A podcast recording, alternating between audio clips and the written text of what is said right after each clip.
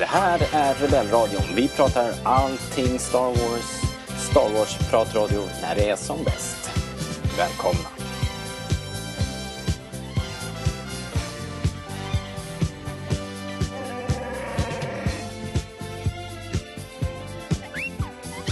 Då kör vi. Jag är Robert Lindberg och du lyssnar på Rebellradion. Svensk Star Wars-podcast i samarbete med Star Wars.se. Eh, vi rullar på här med ännu ett avsnitt i höstmörkret. Eh, det är ju ganska lätt att ta sig an hösten nu för tiden när vi väntar på Star Wars varenda år runt den här säsongen när mörkret kommer smygande. När du hör det här så är det väl eh, bara runt 40 dagar kvar till The Last Jedi som har premiär på Lucia den 13 december. Ett par dagar före amerikanerna får vi se den. Och eh, ja, det gör ju inte saken sämre. Uh, vi tänkte fortsätta prata The Last Jedi här idag. Och i panelen så har jag två av de största Stjärnornas krig-fanatikerna som jag känner. Först har vi Star Wars.se-redaktören och ägaren Fredrik Jonsson. Hej! Hej! Varmt välkommen igen. Tack! Hur, hur känns det nu? Nu är det lite knappt, eller ungefär 40 dagar kvar till premiären. Ja, jag fick lite panik här plötsligt. Det kändes som den fortfarande var långt borta, men sen kollade jag i kalendern och det är ju, det är ju snart. Ja men alltså 40 dagar är ingenting. Det, det kommer ju bara swisha till.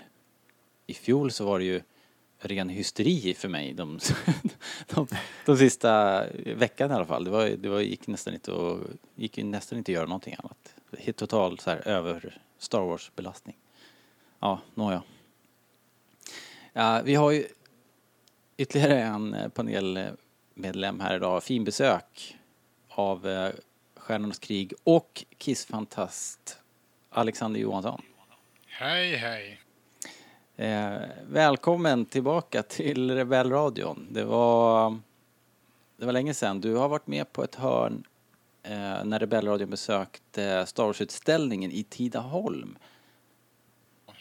Maj 2014, eller det var då vi öppnade. Jag kommer inte exakt ihåg när du var och hälsade på. Nej, jag minns inte heller det Det faktiskt. var väl sommaren där i alla fall 2014. va? Ja, det var varmt och fint. Riktigt somrigt minns jag att det var. Ja. Det var, vart ju värsta roadtrippen liksom. Ja, Kiss fantast. Jag känner mig alltid så här manad att förtydliga när jag säger Kiss fantast att jag menar rockbandet Kiss. Är det, ja. är det så, eh, är det bara jag som är...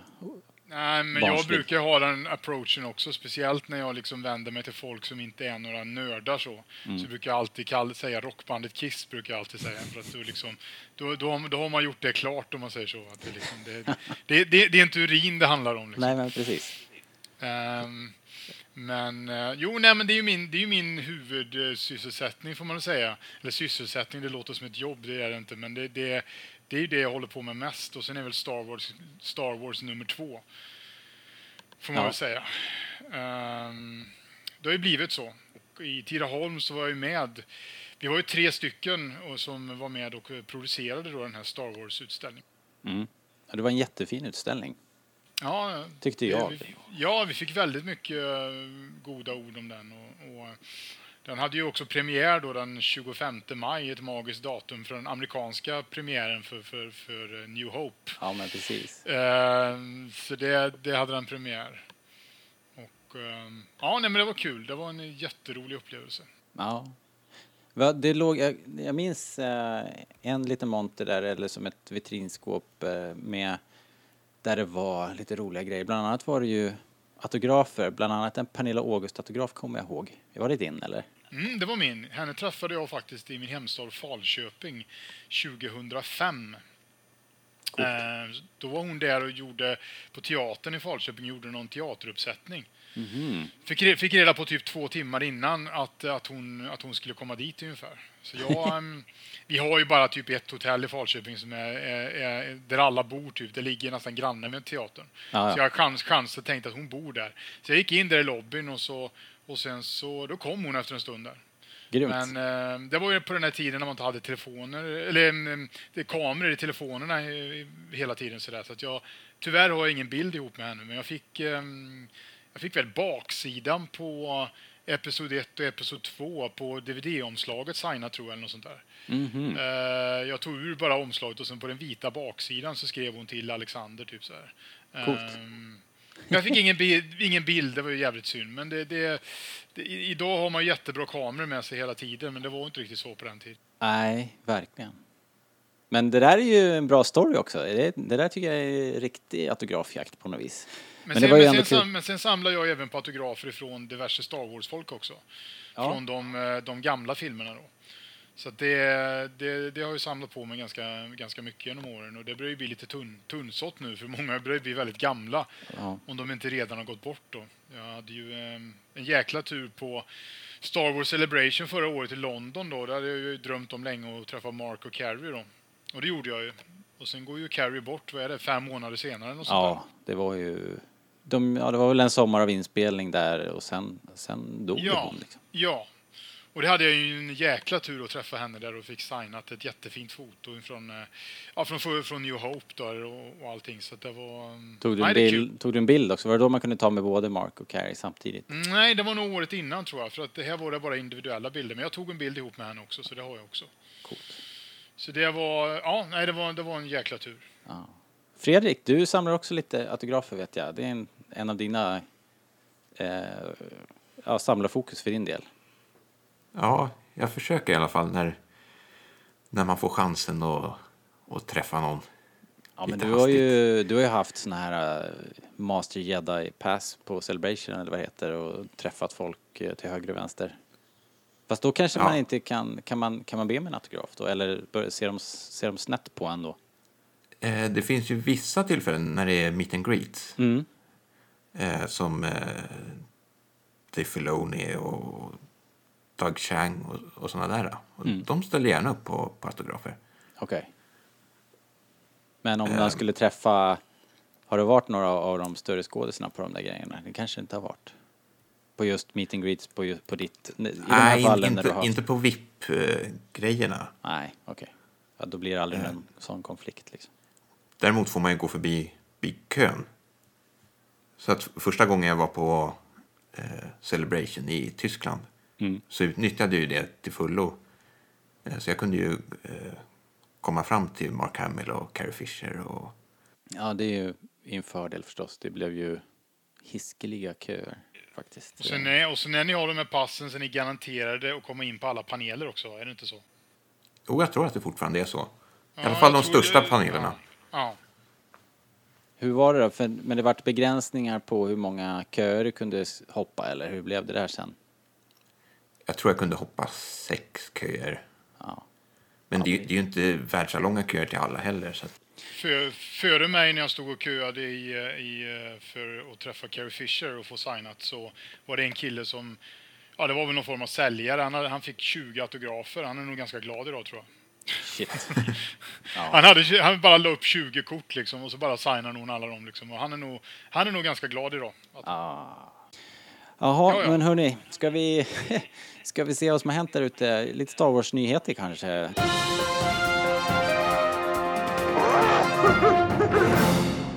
Jag tänkte vi skulle prata mer The Last Jedi idag eftersom Alexander inte haft möjlighet att ventilera sina funderingar här i podden. Och sist i podden så pratade vi lite grann om eh, säsong 4, Rebels som har dragit igång. Vi tänkte avhandla de fyra första avsnitten. För er som vill hålla er spoilerfria då så kan ju ni på ett smidigt sätt hålla er på så vis genom att eh, stänga av helt enkelt. I övrigt så hände det en eh, rätt stor grej här i veckan. Eh, det var att eh, Electronic Arts la ner spelstudion Visual Games. Eh, det är möjligt att det är längre än en vecka sedan faktiskt nu, men det kom en jättebra artikel i, från spelsajten kotaku.com om hur turerna gick vid nedläggningen. Det är fantastisk läsning eh, och lite plågsam får man säga. Den här studion lades ner eftersom Electronic Arts inte längre tyckte att Star Wars-spelet som utvecklades där under arbetsnamnet Ragtag inte var tillräckligt säljbart längre. Folk vill inte ha ett linjärt single player-spel säger de. Eh, vilket får mig att slita mitt hår nästan för att det känns som att det känns visst som att man vill ha. Men du Fredrik, är inte det här den här typen av spel, de hade, det, vi har ju hört det i flera år, ända sedan, eh, ända sedan Electronic Arts fick licensen så har det pratats om det här spelet. Det skulle bli ett Uncharted-liknande eh, spel av samma upphovsperson. Amy Henning var ju med och skrev. Eh, låter inte det här som världens coolaste idé liksom? Jo. För mig som, jag gillar ju inte, eller gillar inte, men online multiplayer, det är inte riktigt min grej. Nej. Så det här var ju precis det som jag ville ha. Ja. ja. Det kan inte vara att vi är helt ensamma i världen om att känna så. Jag, jag antar att, eller, eller när man läser artikeln som jag verkligen uppmanar alla att göra, vi lägger det på show notes på Facebook så ni kan, eh, kan leta rätt på den. Den känslan man får är att det, det går inte att göra någon mer försäljning på den här typen av spel och därför är det inte lönsamt. Produktionen blir jättedyr. Eh, och sen så går det liksom inte att ha någon mer försäljning om du, du kan inte göra så mycket downloadable content då som man kan i, i de här andra spelen. Fast jag fattar inte det riktigt. Kan man inte, skulle man liksom inte kunna ha Eh, varför kan man inte släppa fler banor liksom? Det är jättekonstigt, jag fattar inte. Det är obegripligt. Men, eh, men sen när man läser också så tänker jag att det låter väldigt mycket som när de la ner LucasArts. Det är ju det som är så frustrerande för att det är, de la ju ner LucasArts av precis den här anledningen att de skulle slippa allt det här strulet. Liksom. Att nu skulle det hamna hos Ja. några som visste vad de gjorde och liksom kunde leverera. Och så blir det precis samma jävla Ja. eh, gröt. För det, det är som sagt, det, är, det låter precis likadant. Alltså exakt likadant känns det som. Så här, mål, mål som flyttas hela tiden. Eh, finns inte tillräcklig styrning och inte tillräcklig resurs på något vis. Och en studio som bara går ner i en spiral av eh, då, dålig stämning, dålig moral och för lite pengar och för lite resurser. Liksom. Men jag upplever inte att det bara är Electronic Arts fel utan det kändes som att de internt på Visceral Games även hade stora problem. Ja, det är flera Eh, grejer. Det, det stod någonting om omorganisationer, de hade haft eh, hierarki och nu var det mer en planorganisation. Ja, just Det var liksom ingen som fattade hur det där skulle fungera. Och så kom Amy Hennig in och, och var den enda som, som visste hur man skulle styra ett spel och knappt hon visste det. Och hon var ny på jobbet. Och, Hon hade haft en annan eh, struktur då när hon jobbade sist och sen så hela, hela organisationen var lite uppe i flux då eftersom de hade organiserat om allting. Så extremt rörigt liksom. Eh, men, Ja, det, det, man, tycker, man tycker liksom synd om alla på något vis. Men som du säger, Electronic Arts är nog inte den enda boven i det här dramat. De hade ju av någon anledning, antar såklart av ekonomiska skäl, blivit tvungna att använda DICE-motorn, den här Frostbite också, som, som, in, som inte är byggd för uh, tredjepersons spel. Och det, det blev tydliga, tydligen extremt jobbigt för Visceral att hantera då, för då var de liksom tvungna först att modifiera Frostbite eh, istället för att kanske köra på en motor som redan fanns och som de var vana vid. Ja. Jävligt frustrerande för i slutändan så är det ju bara, det är, det är bara så att vi får, vi får inga spel. Eh, vi, får, vi får Battlefront. Och det är väl i och för sig coolt men, men det är ändå bara en, ett spel, en typ av spel. men det verkar ju som att eh, det här spelet kommer att fortleva på något sätt hos en ny studio. Det hade flyttats resurser till Vancouver eller någonting. Ja. Men ja, vi får väl se. Det ser inte jättelovande ut och det blir ju försenat hur som helst. Det var, det var tråkiga nyheter, men en bra artikel från Kotaku, så kan man väl sammanfatta det. Läs den om ni inte redan har gjort det. Uh, all right. Ska vi prata lite om The Last Jedi då? Lite grann. Och uh, låta Alexander få ventilera lite grann. Uh, Jag tänkte låta snacket här gå igång med ett ljudklipp. Inte från trailern faktiskt. Och inte heller från den internationella trailern som finns nu. Utan jag tänkte köra teaser-trailern som kom i somras på San Diego Comic Con. Bara för att friska upp era minnen så låter den så här.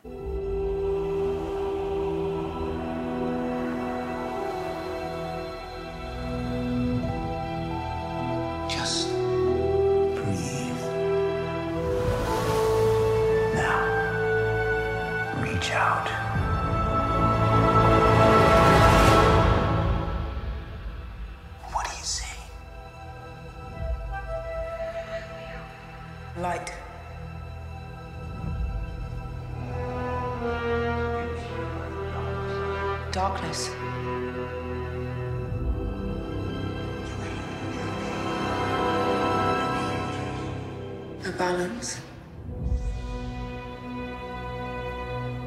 It's so much bigger. Ja, så lät det i somras. Och för er som inte hörde vad som sades riktigt så är det Luke eh, och Ray som pratar, som de säger ungefär Breathe, just breathe. Och så säger han Now reach out, what do you see? Och hon säger light, darkness, the balance. Och Luke säger so much bigger. Och så är det lite musik. Uh, det är inte med i det här klippet som jag körde nu men så säger ju Luke I only know one truth. It's time for the Jedi to end. Eh, och så sitter vi och gråter och har uh, gåshud. Alexander, gillar du gillar du trailern? Den teaser-trailern. Mm. Ja, den var bra. Ehm, men Jedi to End, ja, jag vet inte vad, vad menar han med det? Det kan man ju, eh, det kan man ju fråga sig. Ehm, ska inte liksom, ska inte det här med... Ja, det, den heter ju Last Jedi då, men eh, i min värld så får ju gärna alla det här med Jedi-orden och allting får gärna växa sig starkare igen. Liksom att det, det, det, det är på något sätt, eh, jag vet inte, de borde kalla nästa för Jedi Strikes Back eller någonting. Nej, jag vet inte. Men, men, nej, men, men alltså, han, jag vet inte, alltså, jag har väl sagt det förut när jag pratat med folk om det, att jag vill ju inte liksom att, att Luke ska dö i den här filmen. Nej. Eh, det är kanske ofrånkomligt i framtiden det, det, hur det nu blir i nästa film då, va? men jag vill ju ändå att, att Luke ska få en hel film där han är liksom där han eh, kör eh, allting som man liksom kan förvänta sig av honom eller inte förvänta sig av honom. Det beror på hur de... Du menar som en jedi i, i sitt esse liksom? Ja, men lite grann så. Eh, ungefär, som, ungefär som Rogue One när Vader gick helt eh, eh, liksom i slutet där, eller han liksom... eh, Går loss, slakt- ja. ja, går loss där liksom. Jag vill på något sätt att Luke gör likadant på sitt sätt. Att, att han får liksom en hel film så, så, de inte, så det inte är så att efter halva filmen så, så dör Luke liksom. Nej. Vi, när vi pratade om det här sist, och jag tror då i synnerhet Daniel och Hanna var inne på att filmens tema kommer att bli att kraften och balansen mellan eh, mörkt och ljust. Eh, nu när vi, och nu när man lyssnar tillbaka på teasern, de här orden som sägs, så känns det ju som att Daniel möjligen liksom har slagit huvudet på spiken. Att, eh, light, darkness och balance. Att det är ju liksom balansbiten som ändå är ny i, i, i filmerna. Det har ju det har ju funnits, eh, som vi sa sist också, i, i lite andra medier, tv-serien Rebels kanske Eh, i synnerhet. Där det, de kallar det för Bendu, eh, som också har, finns i en liksom förkroppsligad i, i en stor alien. The one in the middle. Så frågan är om det kommer vara den största influensen på den här filmen också och hur det kommer att, liksom, hur det kommer att visa sig. Tror, tror du att eh, det kommer att sluta med att liksom rollerna som hjälte och skurk måste definieras om? Måste, måste protagonisten inte vara den här uh, knight in shining armor, rättrådig och alltid göra rätt liksom? Ja, det där är en ganska intressant tanke så, för när man upptäckte Star Wars som barn så, så var ju just det där som tilltalade en väldigt mycket var att allting var väldigt svart på vitt liksom. Jag menar, Darth Vader han var ju verkligen ond liksom. Det, det kan ju en sexåring räkna ut. Och, och, och Luke och, och, och Han Solo och alla de här var ju liksom, de var goda, de var hjältar liksom. Så att, så att det, det, det gjorde ju att, man, man, eh, att det var väldigt lätt att fastna för, för, för Star, Star Wars. Ja, Men, men, eh, men är de det ett, eh, frågan är om det är ett övervintrat ideal nu då? Om det liksom är, är så att de känner att de måste ta det till en mera, kanske mer realistisk, eh, Ja, och, och någon det- sorts det- realistisk syn på det hela. Ja, och det, då, det gjordes ju egentligen redan i Force Awakens med tanke på att Finn var en, var en stormtrooper som tjänade First Order ifrån början. Liksom. Mm. Eh, och sen blev han liksom hjälte i filmen då. Så det gjordes ju egentligen redan där, även även om jag kanske inte tycker att Finn var en sån här jätteövertygande stormtrooper på något sätt. Liksom. Det, kändes som han, det kändes mer som att han var en, en eh, rebell. Det var ungefär som i New Hope, att han hade en rebell som hade, som hade klätt, upp, klätt i sig liksom, um, stormtrooperdräkt. Ja, Så, så, så kändes det lite. Han, jag tyckte inte han var så övertygande i, i, som, som stormtrooper på något sätt. Liksom. Nej, man fick ju liksom aldrig se honom fungera som stormtrooper. Nej, Eh, Kan, i, nej. Han, var ju, han var ju liksom på väg ut från första början. Ja, så att, så att den, den, den där gränsen liksom har, ju, har ju ändå liksom gjorts lite där med Force Awakens då, men får vi, får vi se det ännu mer i den här filmen? Ja, det, det är en bra fråga. Det, ehm, samtidigt måste man ju liksom kanske hitta på lite nya saker också, eller, eller nya saker, man behöver kanske utveckla saker och ting. Mm, ja, Det får ju, det får ju inte bli eh, liksom, det får inte bli same same på något sätt. nej man vill ju, man vill ju ha, man vill såklart ha en ny film. Det får ju inte fastna i det här, um, ja det var ju mycket kritik efter förra att den var en, en karbonkopia på, på Episod 4 och sådär. Ja, och att det var en fanfilm kallades den för också. Att det var liksom, eh, Mm. ja men man, man gav fansen lite för mycket vad de ville ha på något sätt och sådär. Alltså, håller, håller, du, håller du med om det? Är det Nej, i inte alls. Nej. Fredrik, vad Inte säger du alls. om det? Jag kommer inte ihåg hur du står i den frågan riktigt. Gör du inte? Jo, det gör jag kanske när jag tänker efter. Du skrev ju en ganska syrlig recension, vill jag minnas. Eller hur var det? Ja, ja, nah. ja, den fick okej, men jag tror att i efterhand så har jag nog blivit mer eh, bitter över den filmen. Just att det är, eh, att det följer strukturen av Episod 4, var det så? Att det är det, du Ja, tänker på? ja men det, det var någon som sa en gång att eh, The Force Awakens är filmen som alla ville ha. Medan eh, jag vill ha filmen som jag aldrig kunde drömma om. Mm. Det var ju, det var snyggt sagt. Ja, det var, en- det var intressant. Eh, Men, eh, men jag, jag tänker också att jag, jag kunde inte se det där alls först. Men, men sen får jag ju ge mig och se, se, jag ser ju nu strukturen. Men den innehåller så mycket annat tycker jag, The Force Awakens. Så att jag kan tycka att vad det gäller fanservice så tycker jag nog Rogue One är en större bov. För att den filmen måste ju nästan vara omöjlig att se om man inte har rejält med Star Wars i bagaget. Liksom. Det är ju så otroligt mycket eh, passningar till de andra filmerna och karaktärer som bara glider in utan att presenteras och sådär som man, ja, man kanske inte får så mycket ut av om man inte vet vem, vem Mon Mothma och eh, Bail Organa är och sådär. Jag tycker den är, den är, den är svårare, måste vara svårare för en, en, en, eh, en som kommer in kall. Liksom. Samtidigt så måste ju Star Wars-filmer idag måste vara det svåraste du kan ge kast med att göra överhuvudtaget. För att alla har ju absolut åsikter om precis allting. Och alla olika saker betyder ju olika för, för olika personer liksom. Och, och, ehm, jag vet till och med folk som inte har sett, som gillar Star Wars men som inte ens har sett Force Awakens för de vågade inte se den. Bara för att de var rädda för att bli besvikna. Så jag vet faktiskt ett par personer som inte har sett den filmen överhuvudtaget och som älskar de gamla filmerna.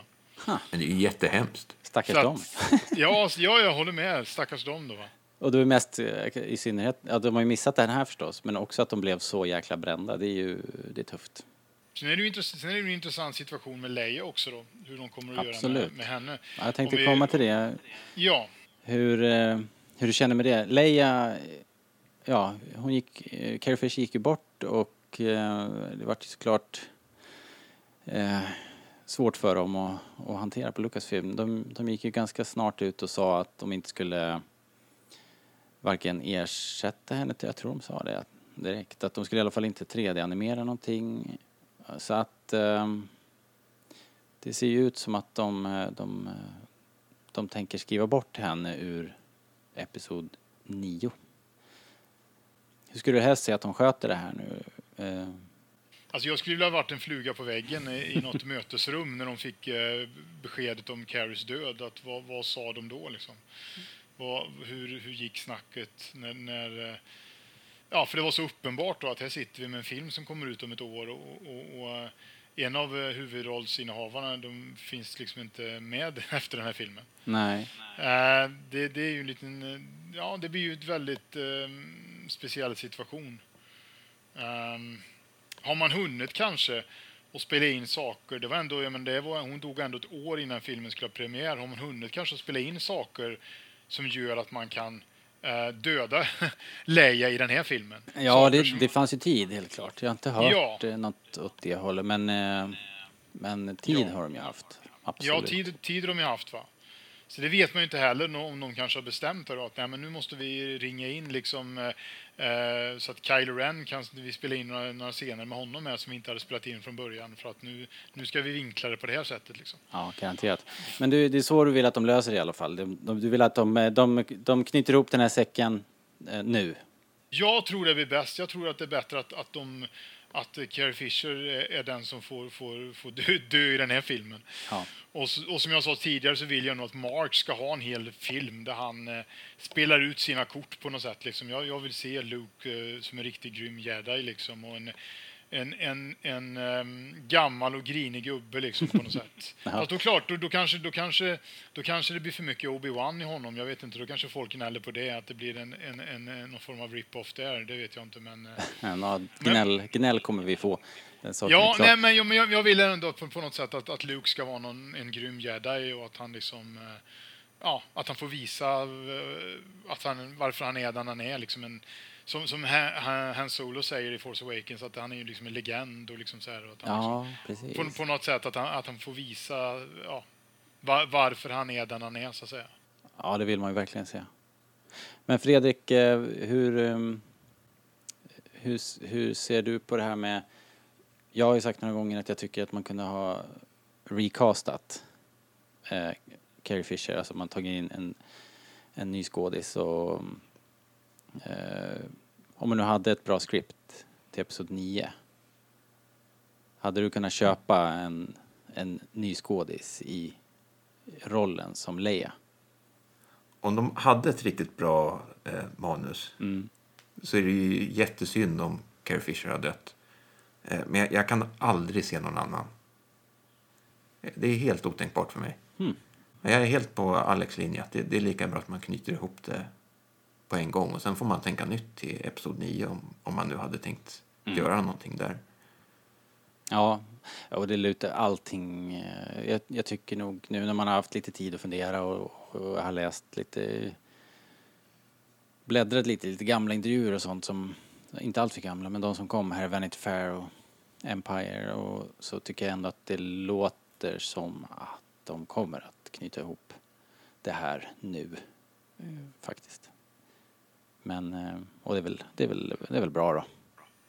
Men, men tror vi att, eh, att och, typ Yoda och Obi-Wan kan dyka upp på något sätt då? Att de kan eh, liksom ehm, prata med Luke eller liksom som hologram på något sätt? Eller är det någon tanke som finns någonstans? Lite Force Ghosts, ja.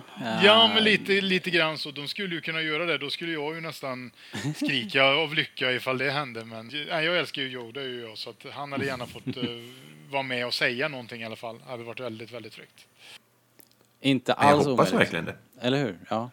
Vi vet att eh, Frank Oz har, har eh, han är Liksom. igång och han jobbar. Han har pratat Yoda och han har gjort väldigt märkliga undvikande svar på direkta frågor och sådär. Så att, alltså jag, jag skulle vilja påstå att chanserna är goda.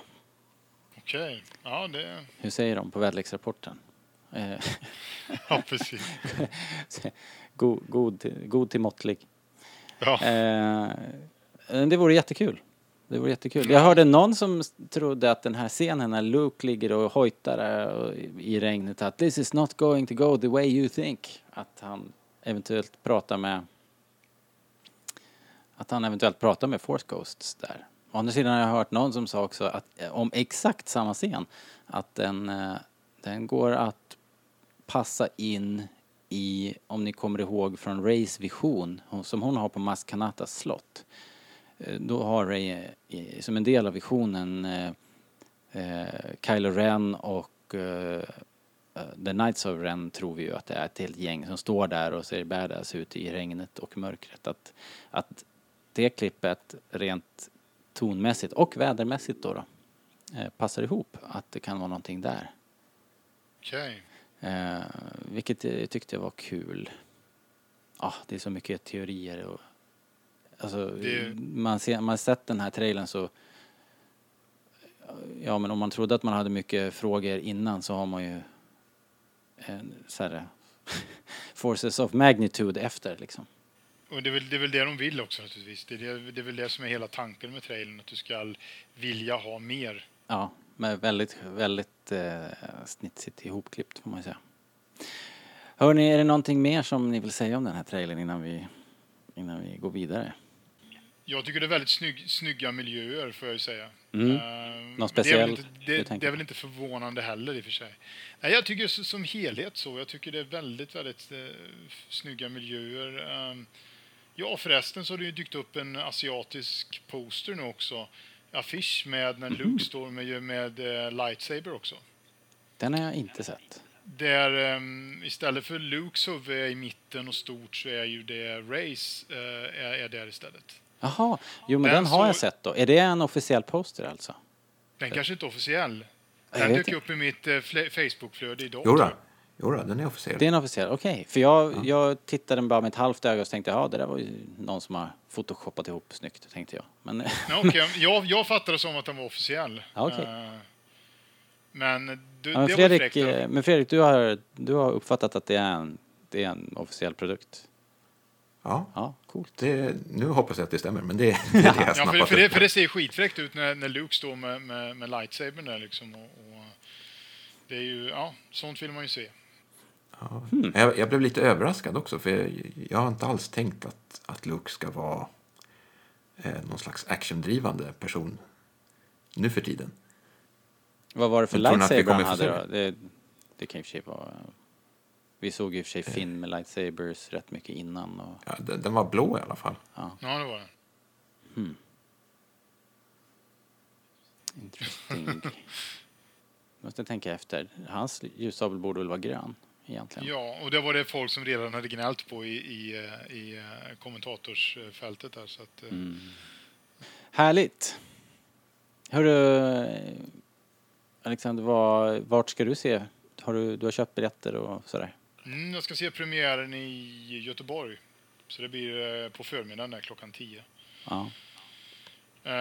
Ehm, jag såg ju den på IMAX i, i Stockholm, i Solna förra gången, men det blir, det blir Göteborg den här gången. Du har ju, jag vet ju att du har gett dig av till London och sett premiärvisningar i London och såna här saker. Men det är inget Ja. sånt planerat den här gången? Inte, inte den här gången, jag har så dåligt med semester så till det det handlar om.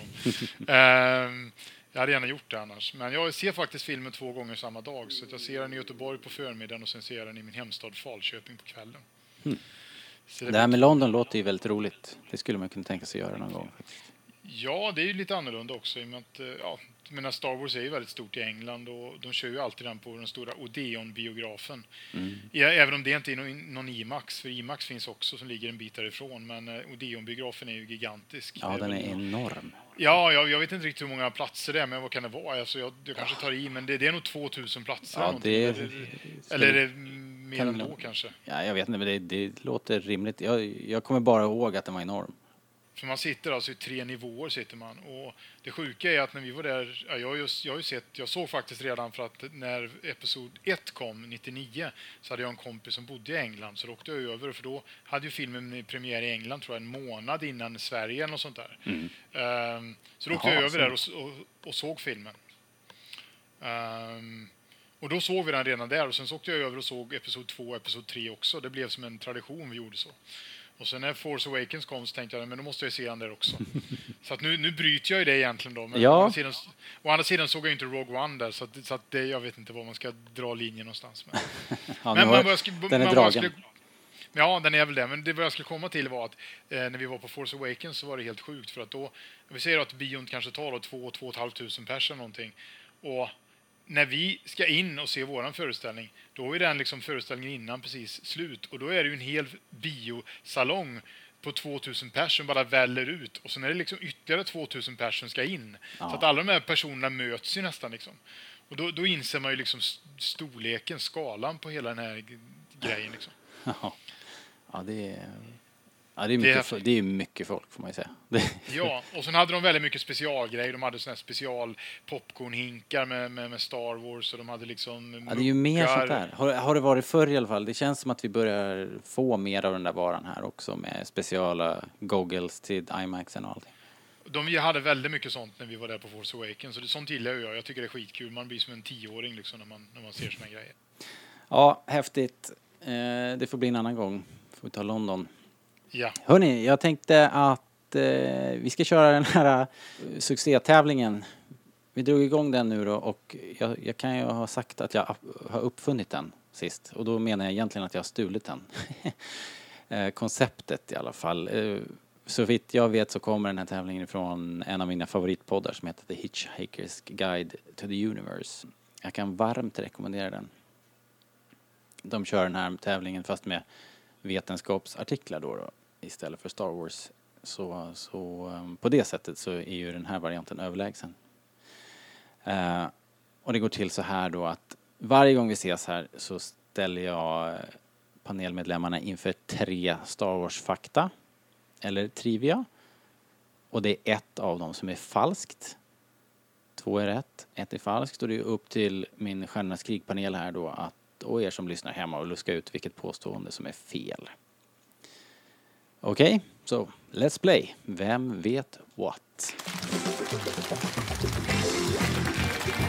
Hej, hej! Välkomna till Vem vet... Me. Idag är det en Skellig Michael special. Ni känner till Skellig Michael, det är ön, det heter väl Act 2 där Luke hålls i slutet på Ja. The Force Awakens. Och, eh, så vi kör en, en, eh, ett litet quiz om eh, påståenden om Skellig Michael. Och det första påståendet då, det låter så här. Inför inspelningarna av The Force Awakens rapporterade brittiska The Times att Mark Hamill höll på att dödsstörta när han skulle klättra upp de drygt 600 ojämna och hala trappstegen på Skellig Michael. Citat. If the guide had not caught him, he was a goner. Slutcitat. Säger ett vittne till händelsen. Tre personer har dött i olyckor i trapporna på Skellig Michael sedan 2004. Och påstående nummer två låter så här. De bikupeformade stenhusen på Skellig Michael är ruinerna av ett kristet monastiskt tempel. Sankt Fionan. Mark Hamill, Daisy Ridley och några till i produktionen spenderade några nätter i templet och blev därmed de första att bebo ön sedan 1996 då de sista fyrvaktarna lämnade ön. Och det sista påståendet är om ni tycker att Ray ser lite sliten ut i slutet av The Force Awakens, där uppe på höjden, där på Act 2 när hon först möter Luke, så är det för att Daisy Ridley var sjuk och hade kräkts bara minuterna innan den där slutscenen spelades in.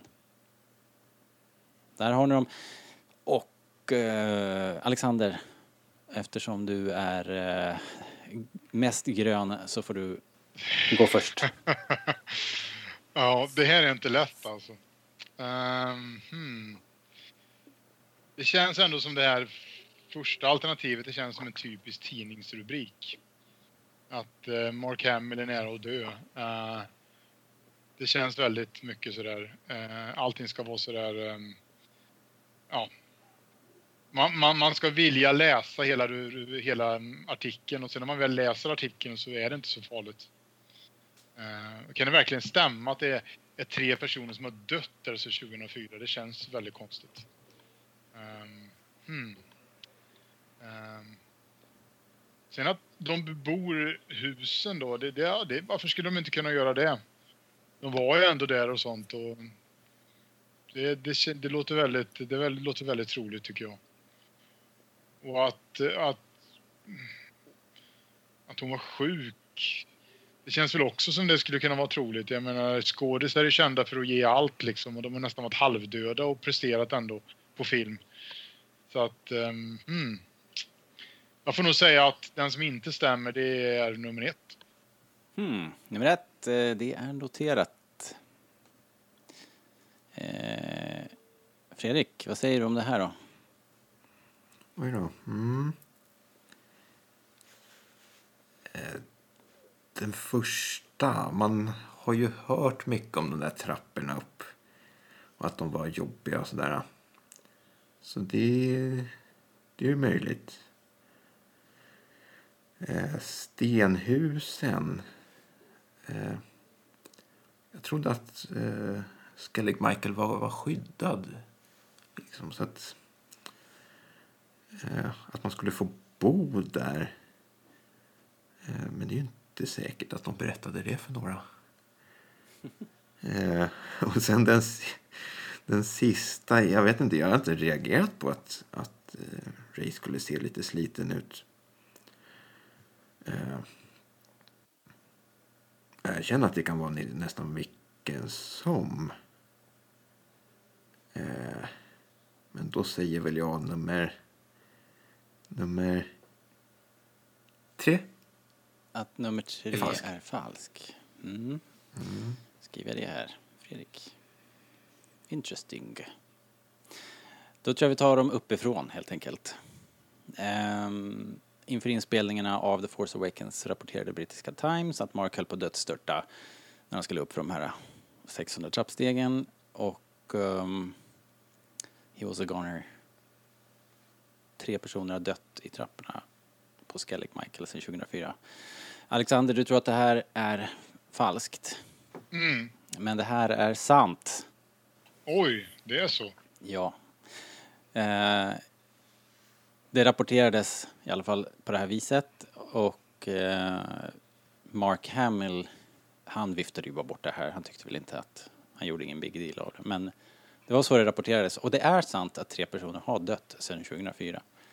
Oj. Eh, det är ju tydligen superbrant och läskigt.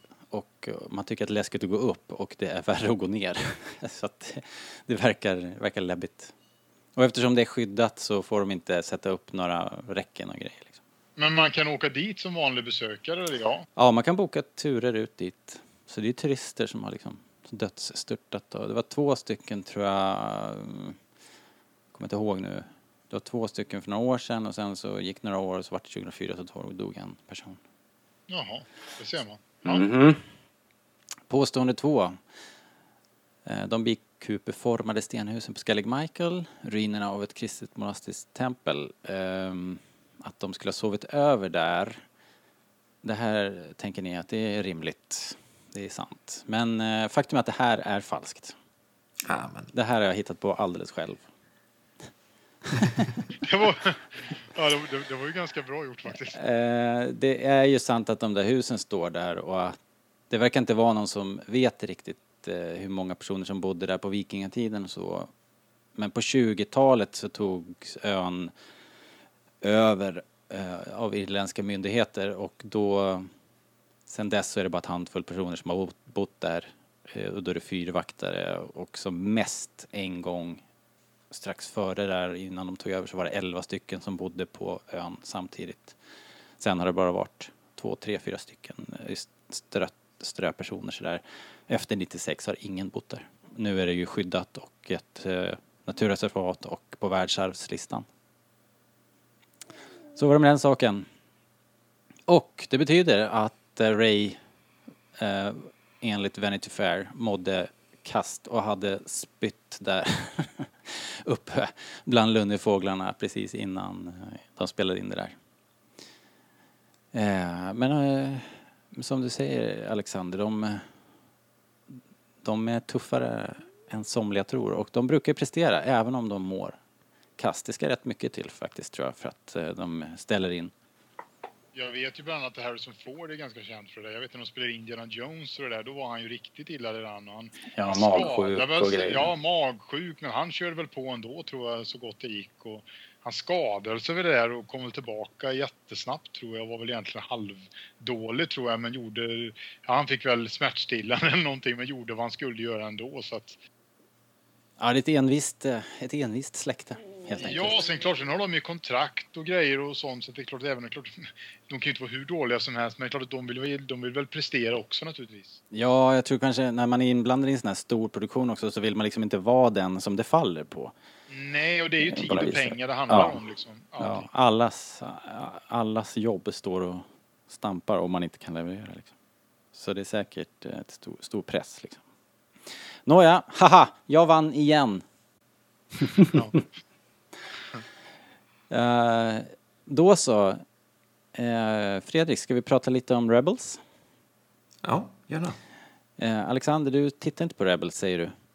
Nej, så jag får väl försöka lära mig någonting av ert snack där. Ja, du får lyssna och lära.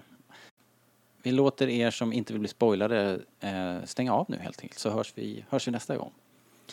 Och så drar vi igång. Den fjärde säsongen drog igång den eh, 16 oktober i USA eh, med två avsnitt eh, som hette, det var del 1 och 2 av Heroes of Mandalore och nu den 23 oktober så sändes In the Name of the Rebellion också en tvådelad historia. De har ett högt tempo. Det går eh, två avsnitt i veckan av någon anledning. De kommer att diska av hela den här säsongen på, ja det kommer ju vara, det kommer vara klart ja, någon gång i vinter skulle jag tro. Nej, Nej. de... Eh, vi trodde ju det. Ja, vi det trodde ju nästan vara att de det- skulle hinna innan, eh, innan filmpremiären. Men, nej, nej, men det blir väl något... Ja, i och för sig, det kanske är vinter, men det blir på andra sidan av julen och nyår.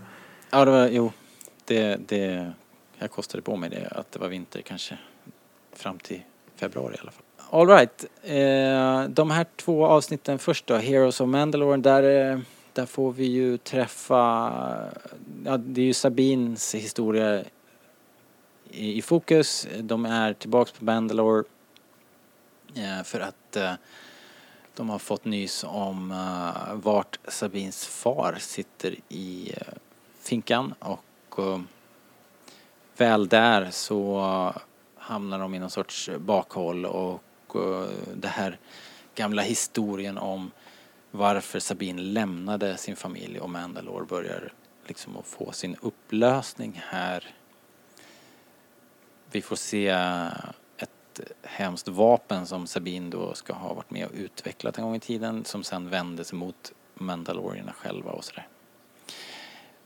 Vad tyckte du eh, om det här Fredrik? Eh, Är det här... eh, Det, kän, det känns som att de försökte knyta ihop Mandalore-säcken men tycker du att de lyckades med det? Eh, tillräckligt för att jag ska kunna lägga det bakom mig. All right. Jag vet ju att du vill ha mer. Ja, jag vet inte.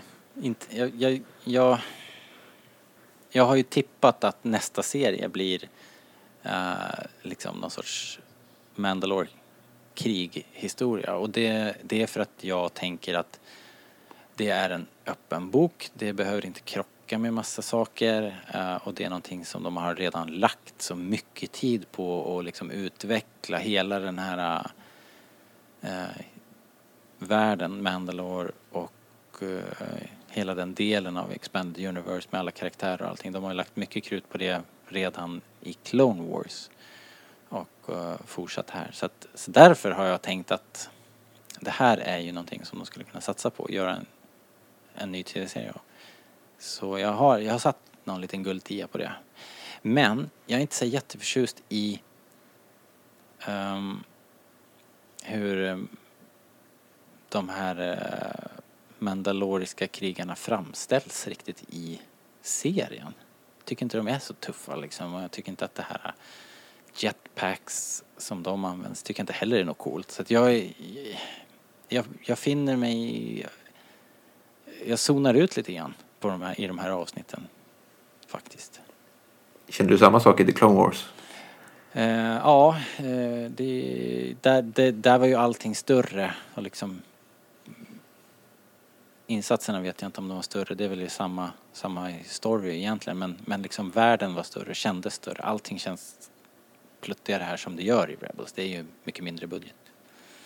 Um, men jag gillar inte hur de använder de här jetpacksen. Det har jag aldrig gjort. Jag tycker de, det är liksom Eh, ja, det blir ju fånigt egentligen att prata om fysik i Star Wars men de, de, de känns inte... De borde inte kunna flyga på det där viset. Ja, vad fjantigt. Men jag vet inte. Nej, nej men det känns som att de tar mycket genvägar Ja, bara. det känns som att, ja precis. Det är bara, det, det, känns, det känns som ofta i Rebels så känns det som att allting är någon sorts krycka. Det går, det är lite slarvigt på något vis. Det är, lite, det, det, det är säkert budgetskäl som gör att det hela tiden känns som en enda stor genväg liksom.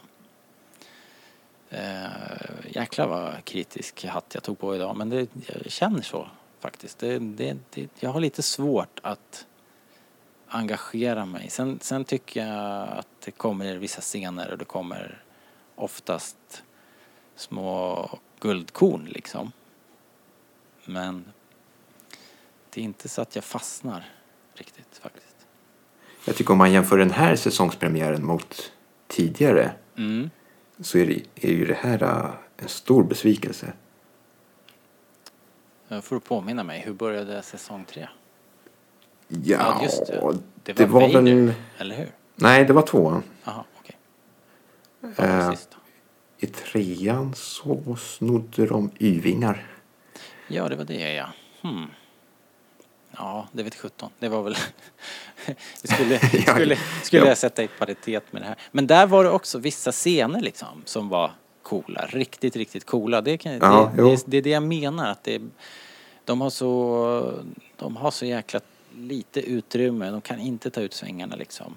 Men sen rätt vad det är så kommer en scen där saker och ting ställs på sin spets och det exploderar och har sig. Så, vissa saker ser fantastiskt ut. Okej, men du är inte så förtjust i det här heller då? Förstår jag det som. Nej. Och jag har väldigt svårt att köpa Sabine. Hon, hon, hon är... Eh, jag har börjat gilla henne som, som person. Men jag har lite svårt att köpa... Eh, liksom det är en sak att vara vapenexpert. Men sen att hon ska vara, ha utvecklat ett vapen. Ja, Och jag menar, hon är inte, hon är inte supergammal. Jag, jag vet inte, 20 kanske.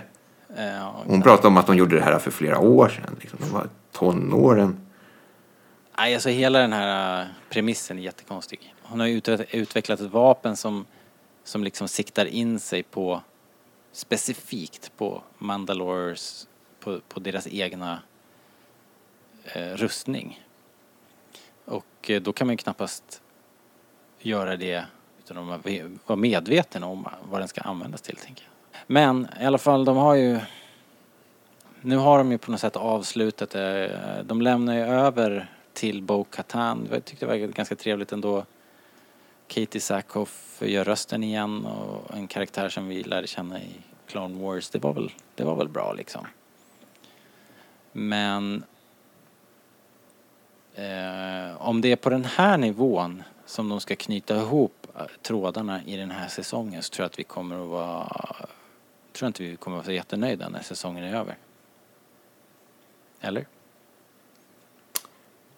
Eh, jag håller mig positiv. Bra. jag Det tror bra. att det kommer bli jättebra resten av avsnitten. All right, all right. Ja, eh, vi, vi har ju fått... ehm, alltså i, i detta nu så, så finns det väl kanske två avsnitt till att titta på. Men de som vi pratar om här nu, det var ju då ett och två och sen tre och fyra In the name of the rebellion. Som... Där får vi hänga med på en attack på någon kommunikationscentral i det första avsnittet och så fortsätter det andra där Saw Gerrera kliver in med en av mina favoriter från, från Rogue One, Two, Two Tubes. Får en liten, eh, en liten roll här. Vi får se en Ewing Och vi får se... Nu måste jag tänka efter. Får vi se X-vingar? Nej, det får vi inte. Det var i trailern. Vi får se Javin 4. Uh, vi får se uh, Saw Gerrera då och Mon Mothma och Saw Gerrera i en uh, liksom i öppen konflikt. Uh, de uh,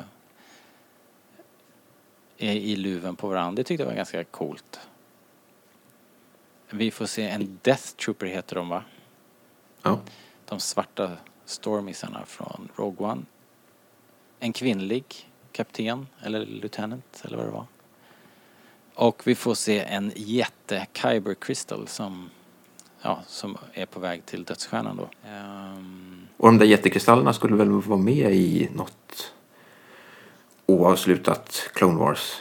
yes, ja precis. också. Det var en av de här uh, Clone Wars-arken som um, eh, som kom ut långt, långt senare som sån här anim animatics, eller vad heter det? Ofärdiga avsnitt. Så det, ja det är korrekt. Där var också en, en kristall i fokus liksom. Vad, vad tyckte du om det här då? Men om vi säger att de två första avsnitten med Mandalore var mediokra så är det ju här kanske det bästa som Rebels har producerat. Ja, det tycker jag faktiskt. Det är fortfarande all, alla, all kritik om hur det, jag- jag ska inte tjata mer om det, men alltså förutsättningarna för Rebels är som de är och de är de samma här. Men det, var, det funkar lite bättre här. Och jag tycker att den här attacken på den här stora radardisken och, och det, det var rätt coolt. Jag tyckte att stormtroopersna kändes uh, som ett hot. Det brukar de inte göra.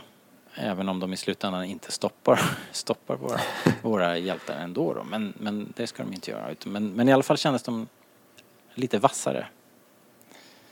Uh, och sen var det coola cameos. Sogrera, Two Tubes och Mon Mothma och uh, Death Troopern då. Så ja, det här fick ju klart godkänt. Faktiskt. Vad tänkte du om eh, Sogrera i det här avsnittet? Uh, han är ju mer lik sig själv om man säger från Rogue One än vad han varit tidigare. Ja, just det. Han var ju med i något avsnitt i säsong tre. Okej, du tyckte Ja. att det här var mera i linje med... Jo, men nu börjar man känna att han börjar bli den här extremisten. Han, är, han kan skjuta lite åt vilket håll som helst. Liksom. Han Mm. vet inte vad man har honom. Nej, om man, inte, om man inte är med honom så är man emot honom. Helt Ja. enkelt. Eh, det som jag tyckte kanske... Jag vet inte, hur lång, hur lång tid före Rogue One är det här? Det är ju inte långt. Nej, det är någonting jag har suttit och funderat på. Jag, jag har ingen aning. Eh, Det, det känns som att det skulle kunna vara... det är ju inte fem, det är inte fem år liksom, utan det är ju... Nej. Det är inom ett år kanske känns det som. Ja. Och jag tänker här känns han ändå ganska vital. Han är inte, han är inte så trasig. och Han är inte galen. När vi träffar honom i Rogue One då är han ju eh, alltså skadad på ett annat sätt och han är desillusionerad nästan när han pratar med Jyn och han eller mera paranoid är han ju definitivt och sen så sen så ger han ju upp. Han, han, han är ju så trött på kriget så han stannar ju på Jeddah liksom.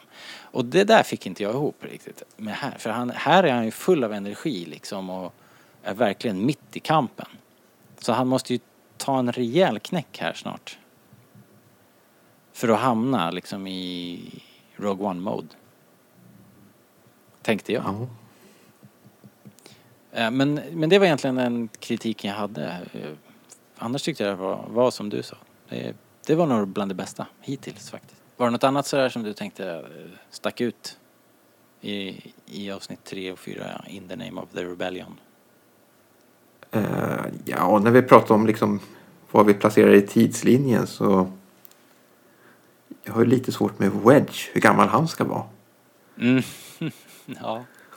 Vi pratade ju lite om det här vid sidan av. Men det, han ser väldigt ung ut i Rebels tycker jag. ja, det, det hajade vi också till lite grann på faktiskt. Det kanske ligger lite i stilen, alltså i design. Man, kanske får köpa att det, det är budgetskäl. Att de använder samma modell som de använt tidigare. Ja, visst. Men sen tänker jag också att Luke i, eh, i Star Wars, i, i A New Hope, han är ju väldigt ung där alltså. Han är ju en spoling liksom. Ja, ja, mentalt tycker jag, men jag tycker liksom inte kroppsligt att han är under 20 i alla fall. Nej, nej, det, du har rätt i att eh, Wedge framstod som en eh, tonåring här. Faktiskt. Ja. Och han är inte så erfaren pilot heller så det gjorde ju inte saken bättre liksom. Men, nej, det, det reagerade jag också på. Jag tyckte det var coolt det här konceptet med att Kyber Crystal att den har en den har en röst i kraften liksom. Den är liksom aktiv i kraften på något sätt. Som gör att eh, eh, att eh, Ezra kan, kan höra den sjunga liksom. Det tyckte jag var, tyckte jag var ett ganska coolt Ja. koncept som jag eh, ja men jag gillar det. Helt enkelt. Jag vet inte vad man kan dra för slutsatser eller, eller eh, om det är något man kan spekulera kring vad det skulle ha för, för, för, för eh, konsekvenser för, för universumet i stort. Men han säger i avsnittet också att det, han, när han fick sin kristall som han har i sin ljussabel så hörde han den också på det här viset. Liksom. Så att det är någonting, ja, det är på så vis de gör, gör kopplingen till sin kristall. Vilket var, ja men det var en liten kul eh, fakta som, som liksom på något vis eh, lite mysig force, force-fakta. ja, det var väl det jag hade egentligen. Det är inte, de är inte, det är inte jättetunga avsnitt sådär. Men, eh, men det är ju väldigt lovande och jag är väldigt, väldigt nyfiken på hur de ska sy ihop det. Så vi kommer väl få komma tillbaks till det här va? Följa upp Ja, säsongen. Absolut. Eh, så att om inte, om inte du hade något mer här Fredrik så tror jag vi rundar av faktiskt. Vi gör väl så. All right. Tack för att ni lyssnar hörni. Eh, show notes till det här avsnittet kommer att finnas eh, lite grann på Facebook. Alla gamla poddar hittar du exempelvis på rebellradion.se.